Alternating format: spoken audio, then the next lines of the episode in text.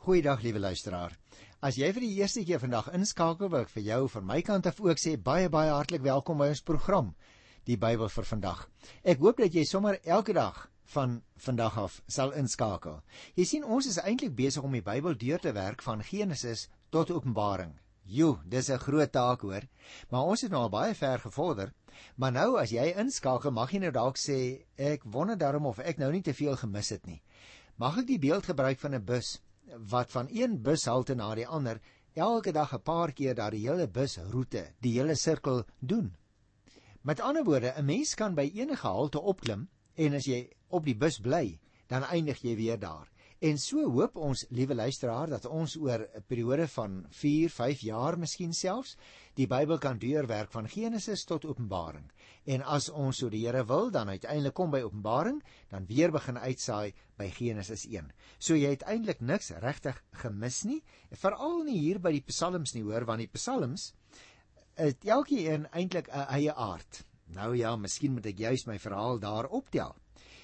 Dis baie interessant om te weet dat die Bybelboek soos wat ons dit het, nou 66 verskillende boeke het, nê. Nee. 39 daarvan kom voor in die Nuwe Testament, 39 boeke in die Ou Testament en 27 boeke in die Nuwe Testament. Maar wat nou ook interessant is, as 'n mens nou na die Psalmbundel kyk waar daar 150 psalms is, dan besef ons nie altyd nie. Die Psalmbundel is eintlik soos die klerekas van 'n vrou. Dit is almal lekker om die beeld te gebruik hè, want ons mans het mos maar so klein bietjie klere. Maar sommige vrouens is bevoorreg om 'n instapkas te hê en daar hang verskillende kledingstukke aan die hangers. Nou dit is wat 'n mens met die psalms kan doen. Want ek het al van tevore vir jou gesê, in die psalms kry ons eintlik elke moontlike menslike emosie. Die emosie van blydskap, die emosie van hartseer, van loftuiting, van aanbidding, van gebed ook, né? Waar 'n mens in jou gebed ook verskillende emosies kan deurgee. Daarom het ek uh, gesê van tevore, ons kan eintlik elke psalm aantrek soos 'n jas. As ons nou kom by Psalm 106 wat ek vandag wil behandel, dan is dit ook nou weer 'n Psalm wat 'n baie belangrike rol speel, veral in Oud-Israel se geskiedenis. Want die digter wil vir hulle sê, kom ons trek 'n slaggie die jas van die geskiedenis aan. Kom ek vertel julle van die geskiedenis. Terselfdertyd voordat ek die Psalm behandel, luisteraar, moet ons onthou Psalm 106 is dan ook die afsluiting van die sogenaamde 4de psalmbundel. Dit het gestrek van Psalm 90 tot hier aan die einde van Psalm 106. En dit bring ons dus vandag by die einde van die 4de psalmbundel en by die volgende program sal ek dan begin met die laaste, die 5de bundel wat strek van Psalm 107 tot aan die einde van Psalm 150. Nou goed, die opskrif van Psalm 106. Wie kan sy lof ten volle verkondig. Jy sien, die woestynervaring van Israel daardie 40 jaar word in hierdie sogenaamde geskiedenispsalm voorsien wat die Nuwe Testamentiese gelowiges ook stof tot nadenke gee waar ons geleer word om terug te kyk in die geskiedenis en hoe dat die Here vir ons sorg. As ek byvoorbeeld nou ook dink aan Romeine die eerste hoofstuk gaan lees gerus vers 18 tot 28 dan sien jy sien Paulus maak die verhaal van die mense se sonde en God se toorn en straf daarop van toepassing op die hele mensdom. Wanneer hy sê dat alle mense gesondig het en dit ontbreek hulle aan die heerlikheid wat God vir die mens bestem het.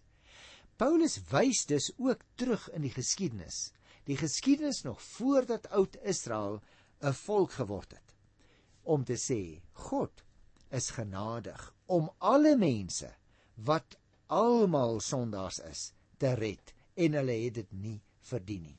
Ek wil tog ook daarop wys dat in teenstelling met Psalm 105 waarmee ek verlede keer afgesluit het, wat God se trou deur die geskiedenis heen besing het, handel Psalm 106 dan oor die mens se troueloosheid deur die eeue.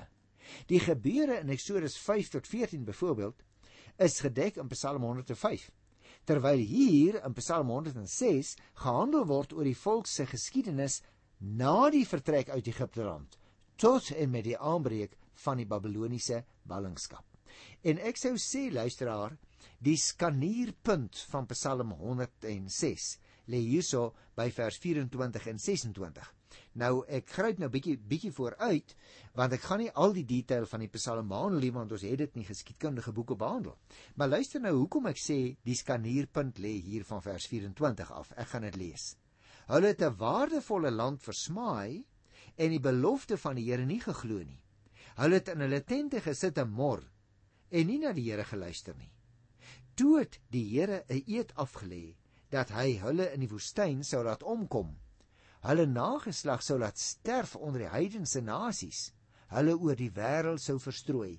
Jy sien luisteraar, ek sê juis dit lyk vir my die kernpunt in Psalm 106 lê juis hier by vers 24 tot 27. Omdat hy vir ons daar 'n baie kort samevatting gee van hoe die Israeliete nadat die Here hulle uit die uh, slawerny van Egipte land verlos het. Hoe dat hulle weer ontrou geword het. Herhaalde male ontrou geword het, weet ons uit die geskiedenis, totdat Jerusalem in die jaar 586 voor Christus geval het voor die Babiloniërs en die Israeliete weggevoer is vir 'n periode van ongeveer 70 jaar daar in Babel. Met ander woorde, as 'n mens hierdie Psalm 106 lees, dan wil die psalmdigter vir ons een ding sê: Kyk terug in jou eie geskiedenis En dan vra jy jouself ook af: Hoe lyk jou verlede? Ontrou? Opstandig teenoor die Here? Ja, maar wat jy ook moet raak sien, is hoe getrou die Here gebly het. Ons het dus hier eintlik in hierdie Psalm soort van wat vir my lyk luisteraars na 'n geloofsdriehoek. Israel se ontrou en dan sekere mense, die profete en die priesters en die profete wat vir hulle ingetree het by die Here en dan die derde party die Here se verbondstrou wat elke keer in die Psalm weer 'n keer na vore kom. Daarom is dit belangrik dat ook wanneer mense ontrou is, Christenmense ontrou is en ons gaan lê in sak en as baie keer en ons dink o, ek het sonde gepleeg wat so groot is, die Here sal my nooit vergewe nie. Wil ek vir jou sê, moenie na jouself kyk nie. Moenie op jou eie gevoel staat maak nie. Die Here is die getroue bondsgod wat ook vir jou vir my wil oprig uit die stof nadat ons in moedeloosheid langs die lewenspad gaan lê het. Kyk nou byvoorbeeld uh, as 'n mens kyk hier van vers 28 af in Psalm 106 hoe dit baie duidelik blyk. Hulle, dis in die ouens daarso in die woestyn, hulle het Baal Peor aangehange geëet van wat aan die dooie afgode geoffer is. Hulle het die Here uitgetart met wat hulle gedoen het en 'n plaag het onder hulle uitgebreek. Pinias het opgetree en die skuldiges gestraf en die plaag het opgehou. Die optrede is deur al die geslagte heen vir Pinias as 'n daad van geregtigheid toegereken. Nou wat sou dit beteken, liewe luisteraar? Jy sal onthou daar by die Piorberg, ons het die verhaal behandel in Numeri by die 25ste hoofstuk. Daar by die Piorberg oos van die Jordaan nog, het hulle deelgeneem aan die afgodsfees van Baal Peor Jy sal onthou, uh, hy was 'n lewelose afgod en die Here het toe die volk gestraf. Gaan kyk maar in Numeri 25 van die 5de vers af. 'n Ingryping wat eers nou staan daar wat eers opgehou het nadat Pinias die skuldiges om die lewe gebring het. Nou hierdie optrede van Pinias is dus vir hom gereken tot 'n daad van geregtigheid. Nou luisteraars, dit beteken nie dat hy sy geregtigheid voor God verdien het nie. Maar dit beteken dat omdat hy aan die Here getrou gebly het, het die Here hom nie saam met die res van die mense gestraf en laat ondergaan nie. Kom ek noem 'n ander voorbeeld so 'n bietjie later uit die geskiedenis en ek wil dit graag illustreer aan die hand van vers 43 tot 46 luister. Talle kere het die Here sy volk gered, maar Hulle het opstandig gebly en dieper in hulle sonde weggesak. Tog het hy sy oë nie vir hulle gesluit nie. Hy het hulle smeekgebede verhoor. Terwille van hulle het hy aan sy verbond gedink en in sy groot liefde was hy genadig. Hy het hulle medelee laat vind by die wie se gevangenes hulle was. Met ander woorde, hier illustreer die psalmdigter baie duidelik vir sy lesers en vir die mense wat saam met hom die lied gesing het, dat in die tyd van die rigters die Here sy volk dikwels gered het, maar Hulle het telkens weer gesondig. Nou luisteraars, ons kan hier aan baie verskillende van die profete dink vir wie die Here gestuur het om die Israeliete te waarsku. Dink nou maar aan Jeremia. In daardie tyd net voordat Jerusalem geval het, het hy vir Jeremia laat optree juis daar in die groot moederstad Jerusalem. Daarom is dit interessant om te in gedagte te hou Jeremia was 'n stadsprofeet. Ons lees nie dat hy ooit elders anders opgetree het nie. Ons lees ook dat die Here vir hom gesê het hy mag nie 'n gesin hê nie. Hoekom nie? Want die Here het geweet van die onheil wat die Here gaan bring oor Jerusalem. En hy stuur dus vir Jerusalem om voortdurend die volk te waarsku.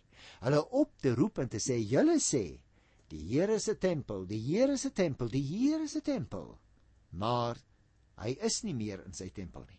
Nou vir jou vir my klink dit baie vreemd, maar jy sien die probleem het juis ontstaan omdat die Ou Testamentiese gelowiges in daardie tyd geglo die Here woon in die huis wat koning Salomo vir hom gebou het. En hoe meer Jeremia, die profeet, die mense gewaarsku het om sê die Here woon nie in 'n huis nie. Jy moet doen wat die Here sê. Anders verbreek jy van jou kant in jou ontrou die verbond met die Here. Het die Here tog getrou gebly om die waarheid te sê hy's ook die oordeelsuitsprake wat Jeremia gemaak het getrou gebly en in die jaar 586 het Jerusalem toe geval. Hierdie man, hierdie psalmdigter is dus besig om juis daardie punt te illustreer. Kyk terug in die geskiedenis. Kyk watter negatiewe ding met jou gebeur het. Vra jouself af of die Here nie besig was om jou te tugtig nie, of die Here nie besig was om jou terug te roep na hom toe nie. Want jy sien die Here werk en praat ook deur gebeurtenisse en dinge in die geskiedenis wat jy en ek nie so graag wil hoor nie. Nou kom hy by die 47ste vers hier in Psalm 106. En luister nou, dit is asof die digter wil sê, kom ek gaan julle nou voor in gebed. Ek het julle nou herinner aan die geskiedenis. Nou wil ek saam met julle bid. Nou luister nou na hierdie vers 47. Red ons, Here ons God. Maak ons bymekaar tussen die volke uit dat ons u heilige naam kan loof en ons in u lof kan verheug. Dit waaroor die volk telkens gewaarsku is en waarvoor Salomo in sy gebed gepraat het oor, naamlik die ballingskap, het nou oor die ongehoorsame volk gekom.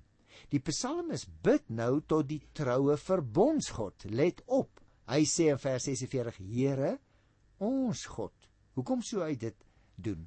Omdat hy die Here wil vra om weer die Here se volk bymekaar te maak sodat hulle sy heilige naam kan loof. En liewe luisteraar, jy en ek moet dit ook nooit uit die gedagte verloor nie. Hoekom het die Here ons gered? Sodat ons hom kan loof, sodat ons ook vir ander mense kan vertel van wie Jesus Christus is, sodat jy en ek ook die getuies kan word dat daar geen ander naam onder die mense op die aarde gegee is om gered te word nie as die naam Jesus Christus. Ons kry hierdie spesifieke uitspraak wat ek nou woordeliks aangehaal het, natuurlik in Handelinge 4 by die 12de versie. Daar is dus 'n belangrike ooreenkoms tussen Oud-Israel en ons wat ons nie moet miskyk nie, luisteraars, en dit is dit. Die Here God het in sy almag en ook in sy vrymag, met ander woorde, volgens sy vrye keuse, het hy sy hand op die Jode gelê om die uitverkorene volk te wees. Net so. En dit is die raakpunt tussen daardie gedeelte in jou en my in vers 47. Net so het die Here uit genade sy hand op jou en op my gelê. Ons glo nie in Christus omdat ons so wonderlik is nie. Dis omdat God in die voortyd al vir jou persoonlik en vir my persoonlik in gedagte gehad het. Nou ja, hoe hy dit te weer gebring het, weet ek nie in jou lewe nie. Miskien het jy by 'n kamp, sê net maar van die CSV of 'n gemeentekamp of 'n skoolkamp tot bekering gekom. Die manier waarop God jou gered het, is nie so belangrik nie, maar dat God jou tot geloof in sy seun gebring het, Dis baie belangrik. Daarom mag jy en ek terugkyk op ons eie lewens. Na daardie oomblikke toe die Here sy hand op ons geplaas het. Miskien sal jy nie eers onthou wanneer dit begin het nie. Maar jy kon nie in God begin glo. Jy kon nie jou lewe aan die voete van die Here Jesus Christus lê uit eie vermoë en uit eie krag nie. Want jy kan nie betaal daarvoor nie. Jy kan dit nie uit vroomheid verdien nie. Jy kan dit ook nie deur goeie werke vir die Here 'n prys betaal dat hy jou kan red nie. Nee. Nee, die Here red ons uit genade. En hoekom red hy ons? Vers 47 in die Ou Testament hier van Psalm 106 sê dit alreeds om sy heilige naam te loof. Nou sal jy onthou wat met oud Israel gebeur het. Hulle het opgehou om die Here se heilige naam te loof en daarom het hulle in ballingskap laat gaan. Net so moet jy en ek onthou.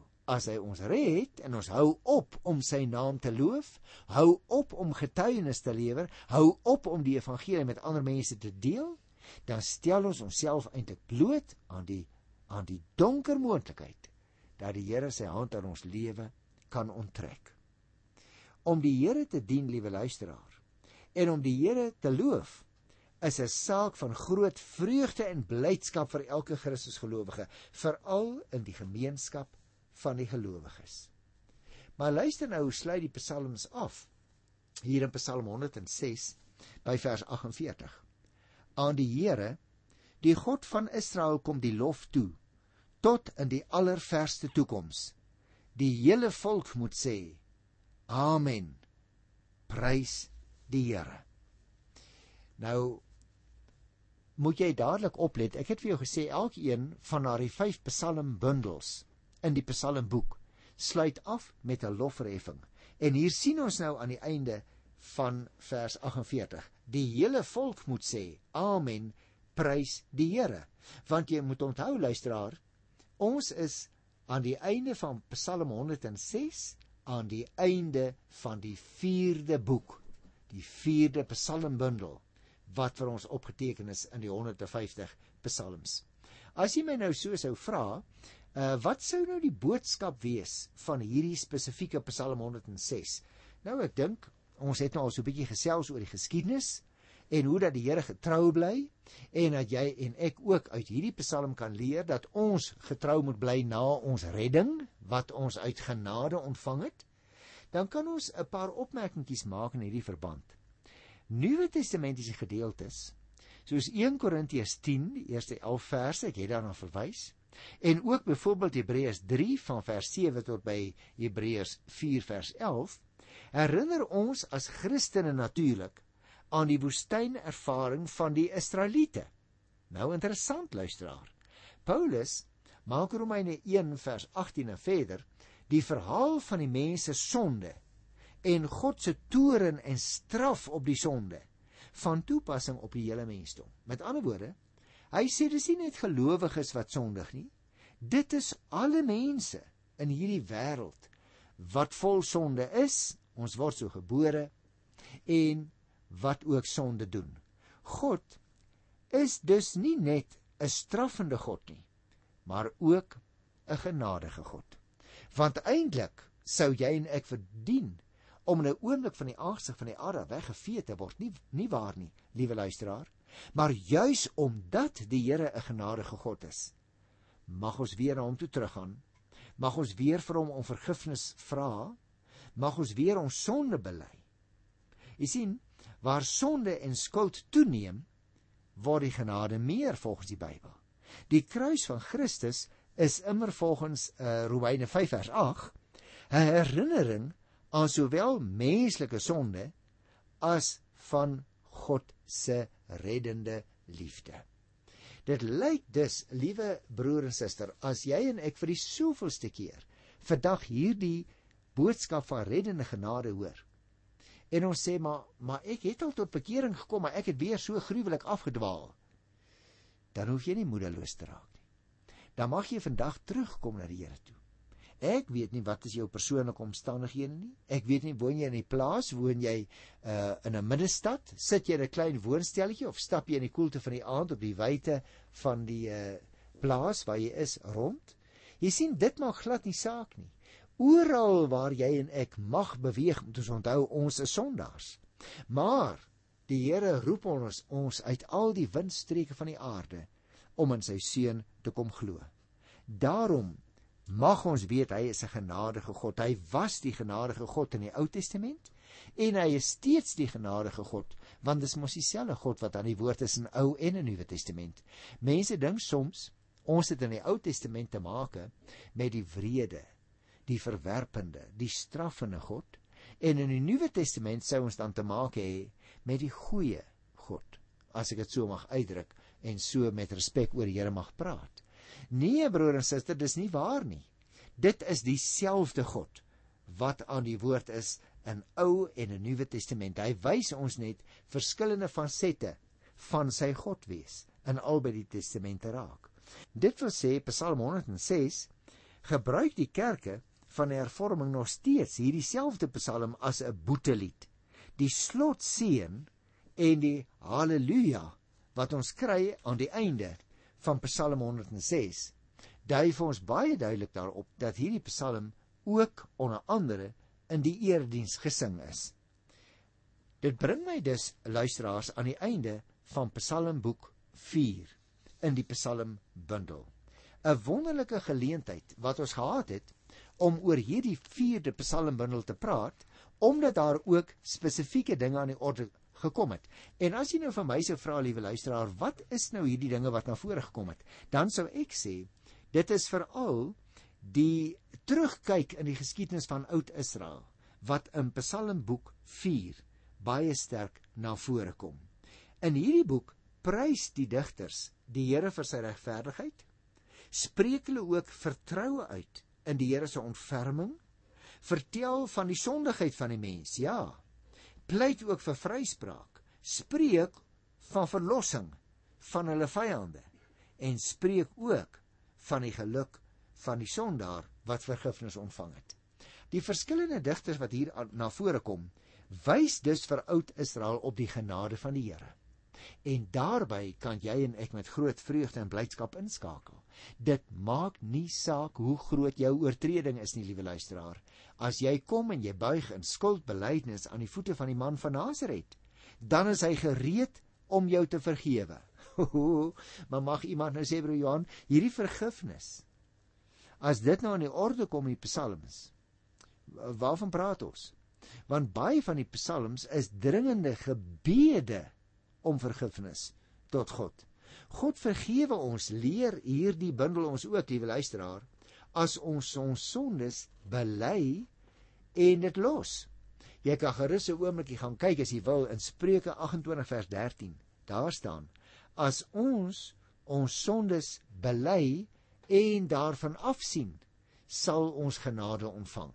Dit help dus nie dat ons ook in hierdie psalms gelees het hoe dat Israel oortree het, hoe dit hulle teruggekom het na die Here herhaalde male en die Here het hulle vergewe.